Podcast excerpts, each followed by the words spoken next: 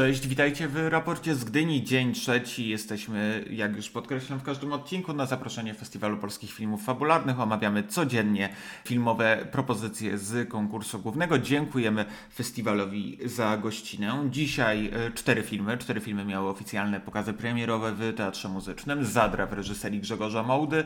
Co warto podkreślić, co jest podkreślane, Grzegorz Mołda również reprezentuje e, swój debiut w konkursie filmów mikrobudżetowych. Tam można zobaczyć Matecznik.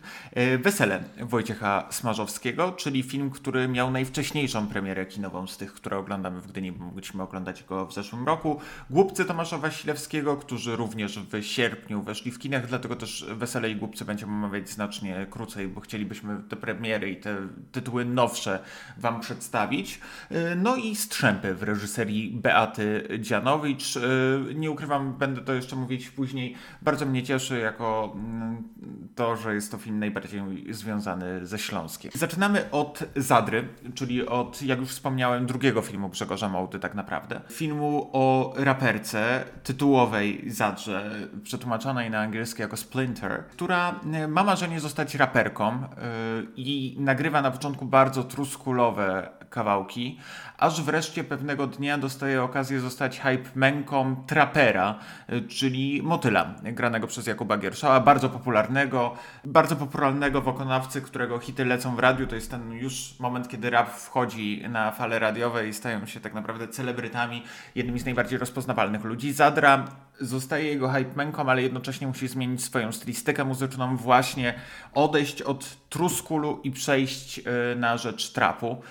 Muzykę i bity tworzył Przemysław 1988 Jankowiak, którego oczywiście możecie kojarzyć z synów czy z producenckich y, solowych wykonań y, 1988. Słowa piosenek pisał skąd inąd Żyto, nie tak dawno autor albumu Żyto Nun, więc jest to zdecydowanie film przesiąknięty rapem. Film, który momentami ma takie elementy musicalowe, bym powiedział, ale bardziej filmu muzycznego, gdzie widzimy jej utwory i mamy takie bardzo mocne teledyski. Świetna jest zresztą scena wejścia, a z innych obsa- y, obsadzeń aktorskich, poza Magdaleną Wieczorek i Jakubem Gierszałem, możemy na ekranie chociażby zobaczyć Margaret w roli Justi, czyli przyjaciółki głównej bohaterki, też Sebastian Della z chyba najlepszą rolą w swojej karierze jako DJ Grippier, czyli autor bitów dla Motyla.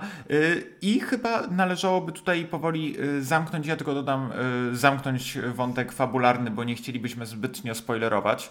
Ja tylko dodam, że scenariusz napisała Monika Powalisz, y, która również jest autorką scenariusza do Matecznika, wcześniej odpowiedzialna była za Belfra, ale to są jej debiuty scenariuszowo-filmowe, więc y, zdecydowanie mamy tu takie połączenie Grzegorz Mołda, reżyser, scenariusz Monika Powalisz. Jest to film o młodej raperce, która próbuje przebić się do świata, powiedzielibyśmy, mainstreamu hip-hopowego, co łączy się oczywiście z tym, co wykonuje Motyl, czyli takim trapem, e, rapem o wiele bardziej popularnym niż, tym, niż ten undergroundowy i też, e, co zostaje podkreślone, mający zupełnie inną warstwę tekstową.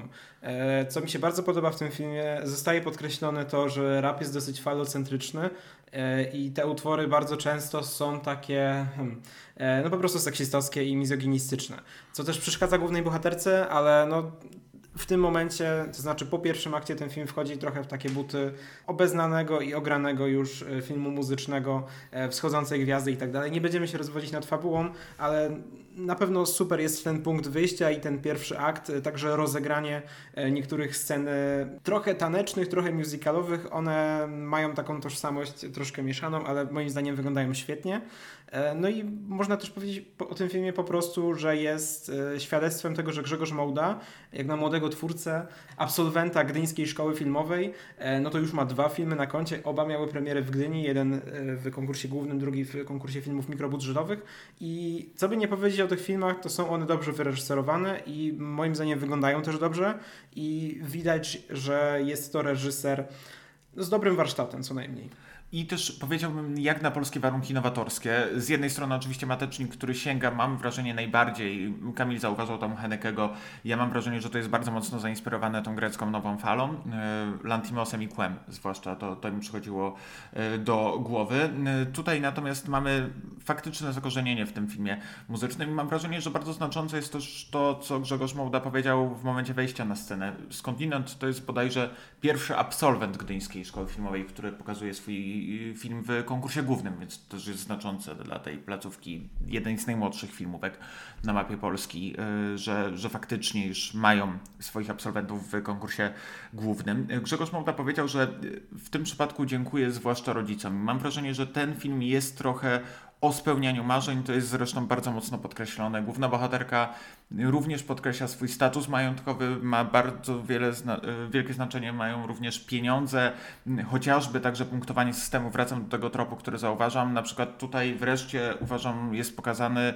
temat, który w ogóle w polskim kinie jest pomijany, czyli e, patologii gastronomii w Polsce i relacji, e, jeśli chodzi o wypłacanie, a właściwie niewypłacanie pieniędzy, zachowywanie, nierespektowanie prawa pracy w gastronomii. To jest ogromny problem, z którym się zmaga zresztą sama Zadra i stawia się, postawia się kierownikowi e, kawiarni, w której pracuje. Mamy do czynienia z, tak naprawdę, jak Kamil powiedział, znakomitym pierwszym aktem. Ten pierwszy akt zapowiadał, w mojej opinii, arcydzieło. Niestety E, jest to film, który mam wrażenie w pewnym momencie schodzi w taki szlak stricte komercyjny. Nie tylko dlatego, że komercjalizuje się muzyka głównej bohaterki, ale także dlatego, że po prostu popadamy w pewne klisze, które są znaczące, ale mam wrażenie, że nie są aż tak bardzo sproblematyzowane. E, ta branża muzyczna chyba jednak trochę lepiej była pokazana w mojej opinii w piosenkach o miłości Tomasza Chabowskiego, jeśli chodzi o jej problemy. Tutaj mamy znakomite, lepsze utwory, w sensie bliższe mi chciałbym posłuchać już tego soundtracku. Mam nadzieję, że w momencie premiery Zadry w styczniu będzie to możliwe, ale niestety mam wrażenie, że ten, ten sproblematyzowanie branży muzycznej trochę Grzegorzowi Mołdzie nie wychodzi. Tylko muszę cię niestety zmartwić, to znaczy byłem na konferencji prasowej i producentka powiedziała, że będzie soundtrack, ale niestety nie ze wszystkimi utworami, bo niektóre są integralną częścią filmu, ale rzeczywiście mi też muzyka bardzo się podobała i te teksty, mimo że nie zawsze wchodziło w nich flow, to wydaje mi się, że są dobre i są takie właśnie troszkę jak mówił e, Przemysław Jankowiak na tej konferencji. W tym się też próbuje odróżnić Sandra czy Zadra, jak brzmi jej e, ksywa, że ona stara się rapować e, o takich rzeczach, które ją, jej dotyczą, zwłaszcza w tych swoich pierwszych utworach, które wstawia jeszcze na YouTube'a i z takimi amatorskimi teledyskami nagranymi przez jej chłopaka. No a potem jako hype manka troszkę się komercjalizuje, żeby nie zdradzę, co się dzieje później, muszę się powstrzymać. E, ale rzeczywiście jest to film, któremu moim zdaniem bardzo dobrze wychodzi ta warstwa muzyczna, jak mówiliśmy, wpada w te schematy i, i nie do końca z nich wychodzi i ma moim zdaniem świetną obsadę, to znaczy Magdalena Wieczorek moim zdaniem jak najbardziej wygrywa tutaj rap grę i ja bym jej bardzo życzył e, nagrody głównej e, za rolę żeńską, co się prawdopodobnie nie stanie, ale mm, wydaje mi się, że warto już ją też obserwować. Ona dostała się na ten film właściwie z castingu e, i nie jest jakoś szerzej znana jak dotychczas, ale wydaje mi się, że ta rola może być dla niej już teraz przełomem. Tak, no ale należy podkreślić, że w tym roku, jeśli wspomniałeś o roli pierwszoplanowej kobiecej, to wyjątek w polskim kinie, a przynajmniej mam nadzieję, że wyjątek, który stanie się normą.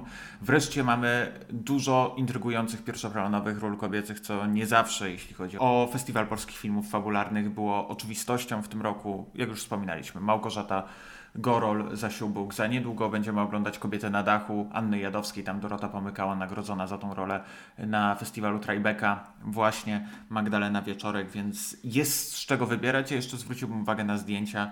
Anna Rzepka to jej debiutancki film jako autorki zdjęć w filmie fabularnym pełnometrażowym.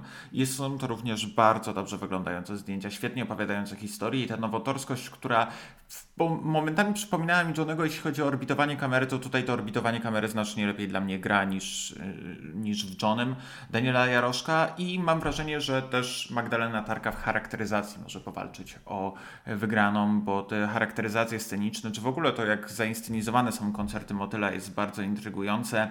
Dużo fluorescencji, ale mam wrażenie, że bardzo dobrze się to wpisuje w sam typ jego muzyki. I tutaj jest też ciekawy wątek, który podejmuje ten film, jak bardzo różni się wizualnie w momencie, kiedy ona wchodzi w ten świat koncertów, jak zmienia się klucz. Ja mam trochę problem z, z tym, jak potoczy się nie tylko jej y, kariera y, i nie tylko z tymi kliszami, ale również z jej relacją z motylem, który w mojej opinii jest jednym z gorzej napisanych niestety postaci w tym, w tym, całym, w tym całym filmie. E, to znaczy, no ja bym się nie zgodził, bo jest to na pewno postać napisana w sposób dosyć niejednoznaczny, nie wiem czy spójny, ale wymykający się takim prostym schematom.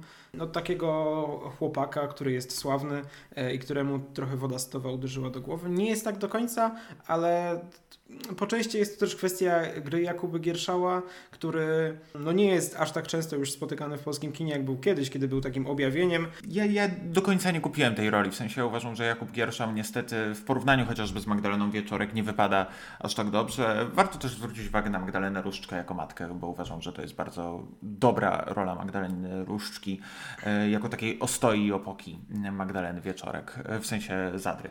E, I jeszcze podsumowując, myślę, że możemy powoli dawać oceny. Ja tylko chcę powiedzieć, że na pewno warto się na Zadrę wybrać. Wiem, że też nie jesteśmy i tutaj zbieramy też głosy środowiska i nie chcę, żebyśmy zabrzmieli hura optymistycznie, bo ja mam wrażenie, że czasem brzmiemy hura optymistycznie. Nie wszystkim się Zadra podoba. Dla niektórych jest, te dialogi nie działają. Dla nas nie, dla nas działały, ale, ale chcę, chcę też, żeby wybrzmiało, że ten film trochę podzielił. Właśnie ja chciałem jeszcze wspomnieć o dialogach. To śmieszne, że to wspomniałeś, bo właśnie dla mnie dialogi były bardzo naturalne i w końcu te dialogi nie mroziły. To znaczy, mam wrażenie, że jak już w jakiś sposób dwudziestolatkowie z takiego środowiska, czy w ogóle dwudziestolatkowie zaczynają ze sobą rozmawiać, to rozmawiają w taki sposób e, i nie jest to w ogóle cringe'owe i super jest też zasługa w tym Małgorzaty Jemroży, czyli Margaret. I myślę, że możemy też e, od razu przejść do ocen.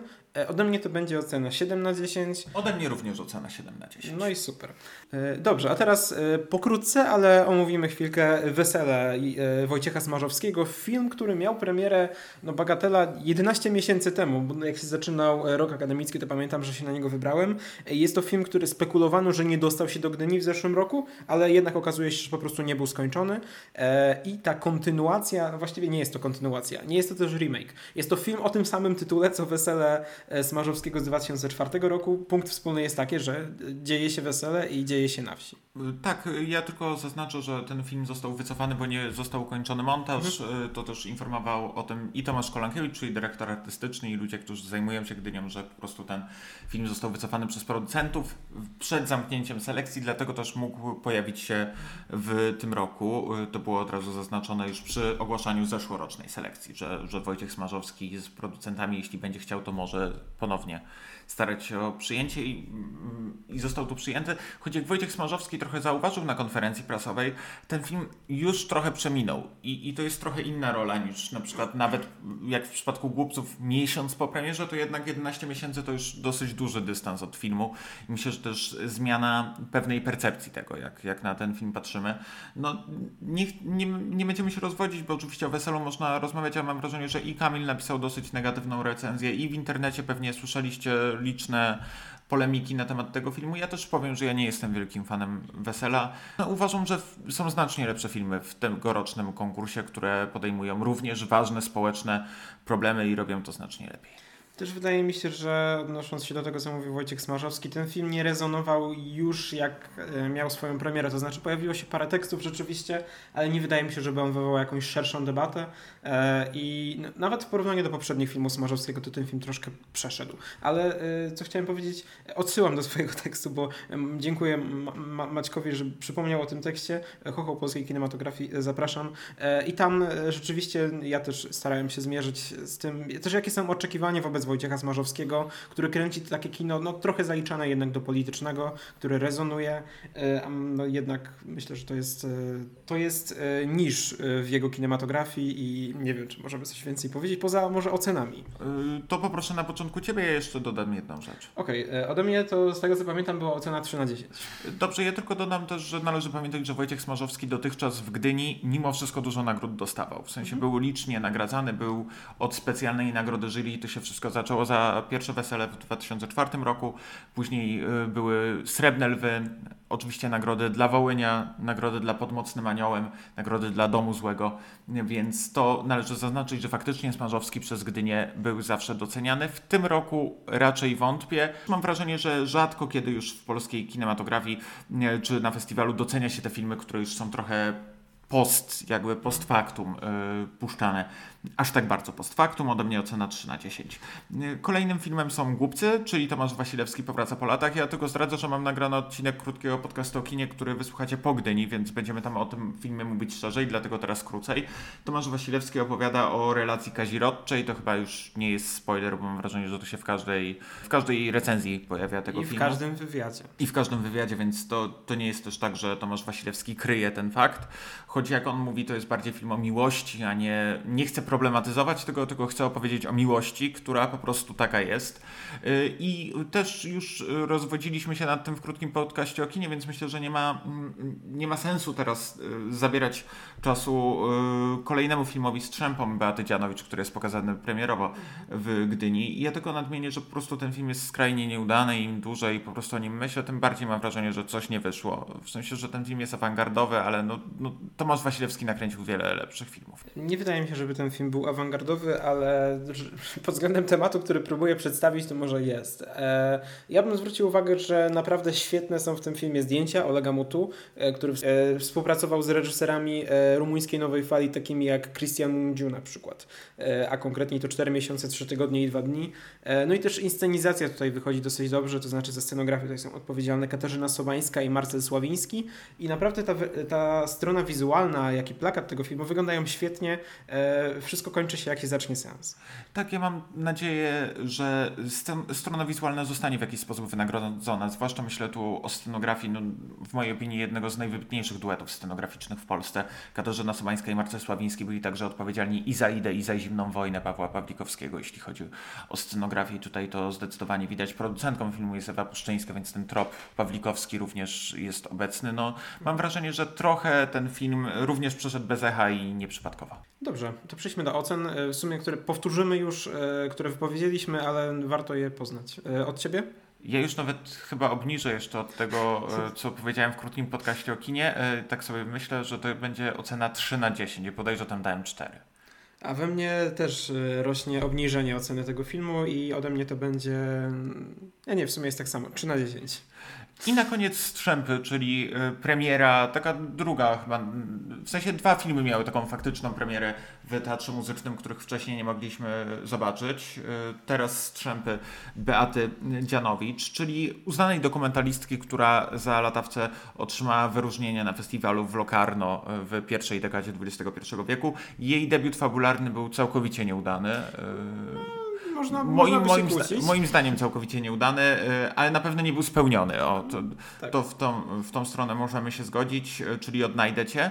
I dlatego też gdzieś sceptycznie myślałem, nie ukrywam, o Strzępach, o, ale Strzępy okazały się jednym z najbardziej poruszających i zaskakujących dzieł tegorocznego konkursu głównego. Strzępy opowiadają historię Adama i rodziny tak naprawdę. Adam jest nauczycielem historii, mieszka z dyrektorką szkoły, w której pracuje ze swoją żoną e, Bogną, którą gra Agnieszka Radzikowska, z córką Zoją, którą gra Pola Królak, a także z profesorem Gerardem, czyli swoim ojcem, e, którego gra Grzegorz Przybył. E, bardzo dużo tutaj zresztą aktorów z Teatru Śląskiego, jak już wspomniałem, film dzieje się na Śląsku. Ci aktorzy, którzy występują na deskach Teatru Śląskiego imienia Stanisława Wyspiańskiego są nagradzani wreszcie, pojawiają się także na ekranie także Dariusz Chojnacki, który wcieli się w doktora Suzina i po prostu okazuje się, że profesor e, Gerard cierpi na chorobę Alzheimera, która bardzo mocno go atakuje i z każdym kolejnym dniem, a właściwie z każdą kolejną sceną widzimy, jak coraz bardziej zatraca się, w, w, traci pamięć tak? i przestaje kontaktować ze światem zewnętrznym. Mamy sceny wykładów, gdzie zaczyna zapominać, co mówi, no i po prostu w pewnym momencie traci traci siebie, mimo to, że jest nadal ciałem, przestaje być obecny duchem. Tak, to zostaje nawet tak powiedziane dosyć konkretnie, że on wciąż tam jest, jego ciało wciąż tam jest, ale jakby jego samego już nie ma, że stracił tę swoją tożsamość, kiedy po prostu przestał rozpoznawać członków swojej rodziny. E, Adam, e, czyli jego syn, główny bohater grany przez Michała Żurawskiego, stara się w jakiś sposób pomóc ojcu. Nie będziemy też znowu wchodzić dokładnie w fabułę, ale jest na pewno blisko związane z ojcem, co pokazuje pierwsza scena, e, kiedy razem wychodzą e, w zimie i wychodzą do lasu i robią zdjęcia zwierzętom dziko żyjącym, takim jak jelenie i sarny. Jest to bardzo piękna scena, wydaje mi się, też e, pokazująca taki bond między nimi. Co też jakby świadczy o tym i pokazuje, dlaczego Adam będzie starał się jak najbardziej zostawić jeszcze ojca przy sobie i nie pozwolić mu odejść.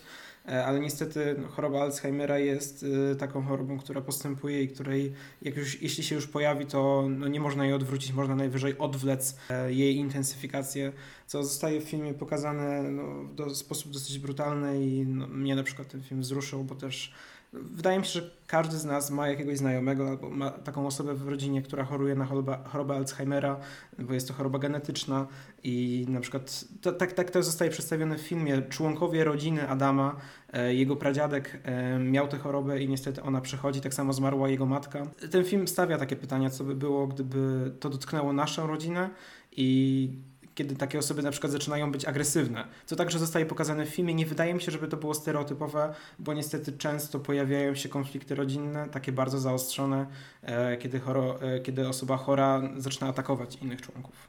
Nie, niewątpliwie jest to film porażający. Też, też zaczynamy współczuć również rodzinie Adama i zaczynamy również e, rozumieć, w sensie Zaczynam również empatyzować z ich motywacjami do tego, żeby Adam przestał się opiekować ojcem, do czego jest zresztą namawiany, bo mam wrażenie, że w pewnym momencie Beata Dzianowicz już pokazuje, że i on sam chyba sobie to uświadamia w pewnym momencie tego filmu, że to jest aż wręcz chorobliwe opiekowanie się ojcem, które też nie działa na jego korzyść, po prostu też ogranicza jego samego i powoduje, że on się zamyka, odcina od świata. Mm, to też jest wątek tego, co jeśli Adam będzie chory. Tak, który, to są takie dosyć wstrząsające sceny, kiedy nawet członkom rodziny, w sensie żonie, i córce Adama wydaje się, że on już może wskazywać e, jakieś czynniki, które mogą potem się ujawnić w tej chorobie i on sam się tego obawia.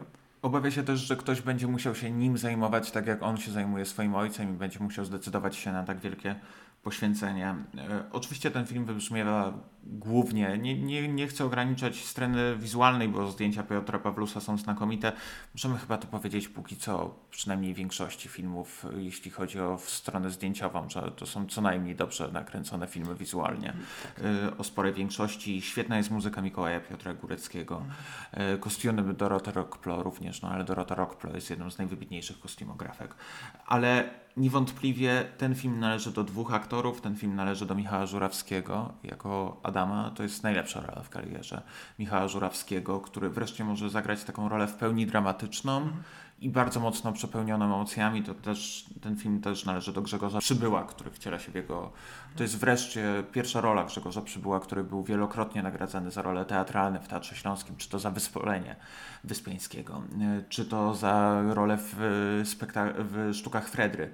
I mam wrażenie, że to jest wreszcie objawienie Grzegorza Przybyła. Ja też chcę docenić jeszcze y, na koniec stronę aktorską kobiecą. Uważam, że córka Pola Królak to jest świetna rola. Pola Królak grała też w Tarapatach, czyli w tym, tej serii bardzo popularnej dla dzieci, która skądinąd w Gdyni startuje w tym konkursie Złotego Lwiątka mhm. dla, dla filmów dziecięcych imienia Złotych Lwiątek imienia Janusza Korczaka i Agnieszka Rodzikowska jako Bogna, również aktorka Teatru Śląskiego, która ma szansę zagrać wreszcie większą rolę w kinie i cieszy mnie, że, że ta, ta obsada gra tak świetnie. I jednocześnie, mimo tego co mówimy i mówimy teraz troszkę przyciszonym głosem, to jest to film bardzo ciepły, jest to film, który zaliczyłbym do dramatów rodzinnych, to znaczy tam rzeczywiście jest świetnie pokazane relacje między członkami rodziny i to między ojcem a matką, między ojcem a córką.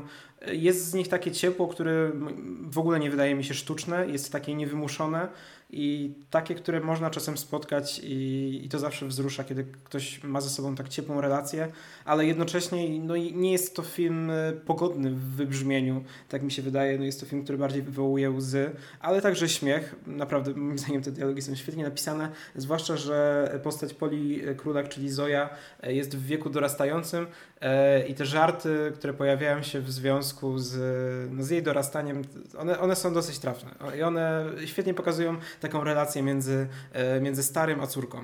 Tak, no i na koniec jednak mam wrażenie, że z każdą kolejną porą roku, bo ten film, cezurą tego filmu są pory roku, które pojawiają się na ekranie i tak się dzieli.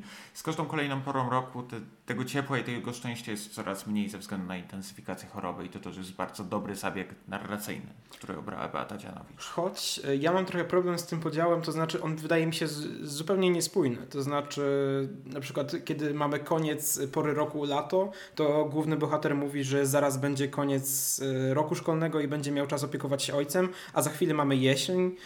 Wydaje mi się, że o ile podział jest słuszny, to znaczy to po prostu dzieli ten film e, no mniej więcej na rok, na cztery części, to nie za bardzo to się zgrywa ze zdjęciami i tym, co one ukazują. Mógłby być jakoś inaczej to nazwane po prostu. I, Tak. i myślę, że ja, ja jedyny zarzut, jaki taki bardziej poważny miałbym do tego filmu, to uważam, że ostatni kadr, który gdy zobaczycie, to będziecie wiedzieli, jest absolutnie niepotrzebny i mógłby się ten film skończyć na pewno 30 sekund wcześniej, bo co do za, samego zakończenia możemy bardziej debatować, no ale to już pewnie kiedy film wejdzie na ekrany kin, bo wejdzie i kiedy będzie można porozmawiać o istocie tego zakończenia. No i też wydaje mi się, że nie możemy uciec od takich porównań e, do filmu Floriana Zellera, czyli Ojciec. Bo o ile Ojciec z Antonym Hopkinsem opowiadał o chorobie, e, wtedy to była demencja, e, z perspektywy ojca i tego, jak on postrzega tę rzeczywistość, co było o tyle ciekawe, że on postrzegał tę rzeczywistość w sposób dla siebie racjonalny, ale całe jego otoczenie widziało, że to jest irracjonalne. O tyle tutaj widzimy osobę chorą, która postępuje w sposób niezrozumiały dla nas i po prostu patrzymy na to z perspektywy, no głównie syna. I no, ten film mógłby się nazywać Syn, jakby był częścią tej trylogii. Oczywiście syn Floriana Zellera opowiada o depresji, ale wydaje mi się, że te porównania się pojawią, kiedy ten film wyjdzie i wydaje mi się, że mógłby stanąć w szranki z ojcem, bo e, aż tak wiele mu nie brakuje. Tak, no i zdecydowanie jest to jeden z najlepszych filmów tegorocznego konkursu. Póki co mam wrażenie, że, że to byłaby taka ścisła czołówka. Zaskakująca ścisła czołówka, nie ukrywajmy, ale no cieszy. Cieszy naprawdę ten film. Ode mnie ocena bardzo mocne 8 na 10. E, Ja też jeszcze powiem odnośnie tego debiutu, który Maciek powiedział, że jest niezbyt udany, Beaty Dzianowicz, czyli Odnajdę Cię. I to jest właśnie ciekawe, że Odnajdę Cię to było takie kino mocno osadzone w gatunku, które trwało zaledwie 80 minut i wydaje mi się, że to jest jeden z głównych problemów tego filmu. To znaczy Beata Dzianowicz chciała się zrealizować w gatunku i zrobić to w sposób bardzo szybki, bardzo prędki, dosyć niedbały. A tutaj mamy film, który wydaje mi się jest dopracowany, no poza tymi rzeczami, o których mówiłem, związanymi z porami roku, ale to jest, wydaje mi się, drobiazg.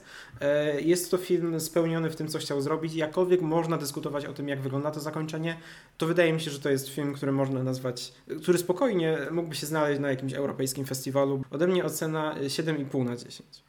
Tym samym dobiegliśmy końca kolejnego odcinka raportu z Gdyni. Jutro natomiast odcinek taki chyba najbardziej wyczekiwany, bo same prawie że hity na mapie. E, Broadpeak Leszka Dawida, e, Chlebisul Damiana Kocura, Io Jerzego Skolimowskiego i Brigitte Bardo Cudowna. Lecha Majewski. Lecha Majewskiego, a także Filip Michała Kwiecińskiego. Ten tytuł mi trochę uciekł. Michał Kwieciński po wielu latach powraca do kręcenia. To był raport z Gdyni. Ja nazywam się Maciej Kędziora. Był ze mną Kamil Walczak. Cześć. Cześć.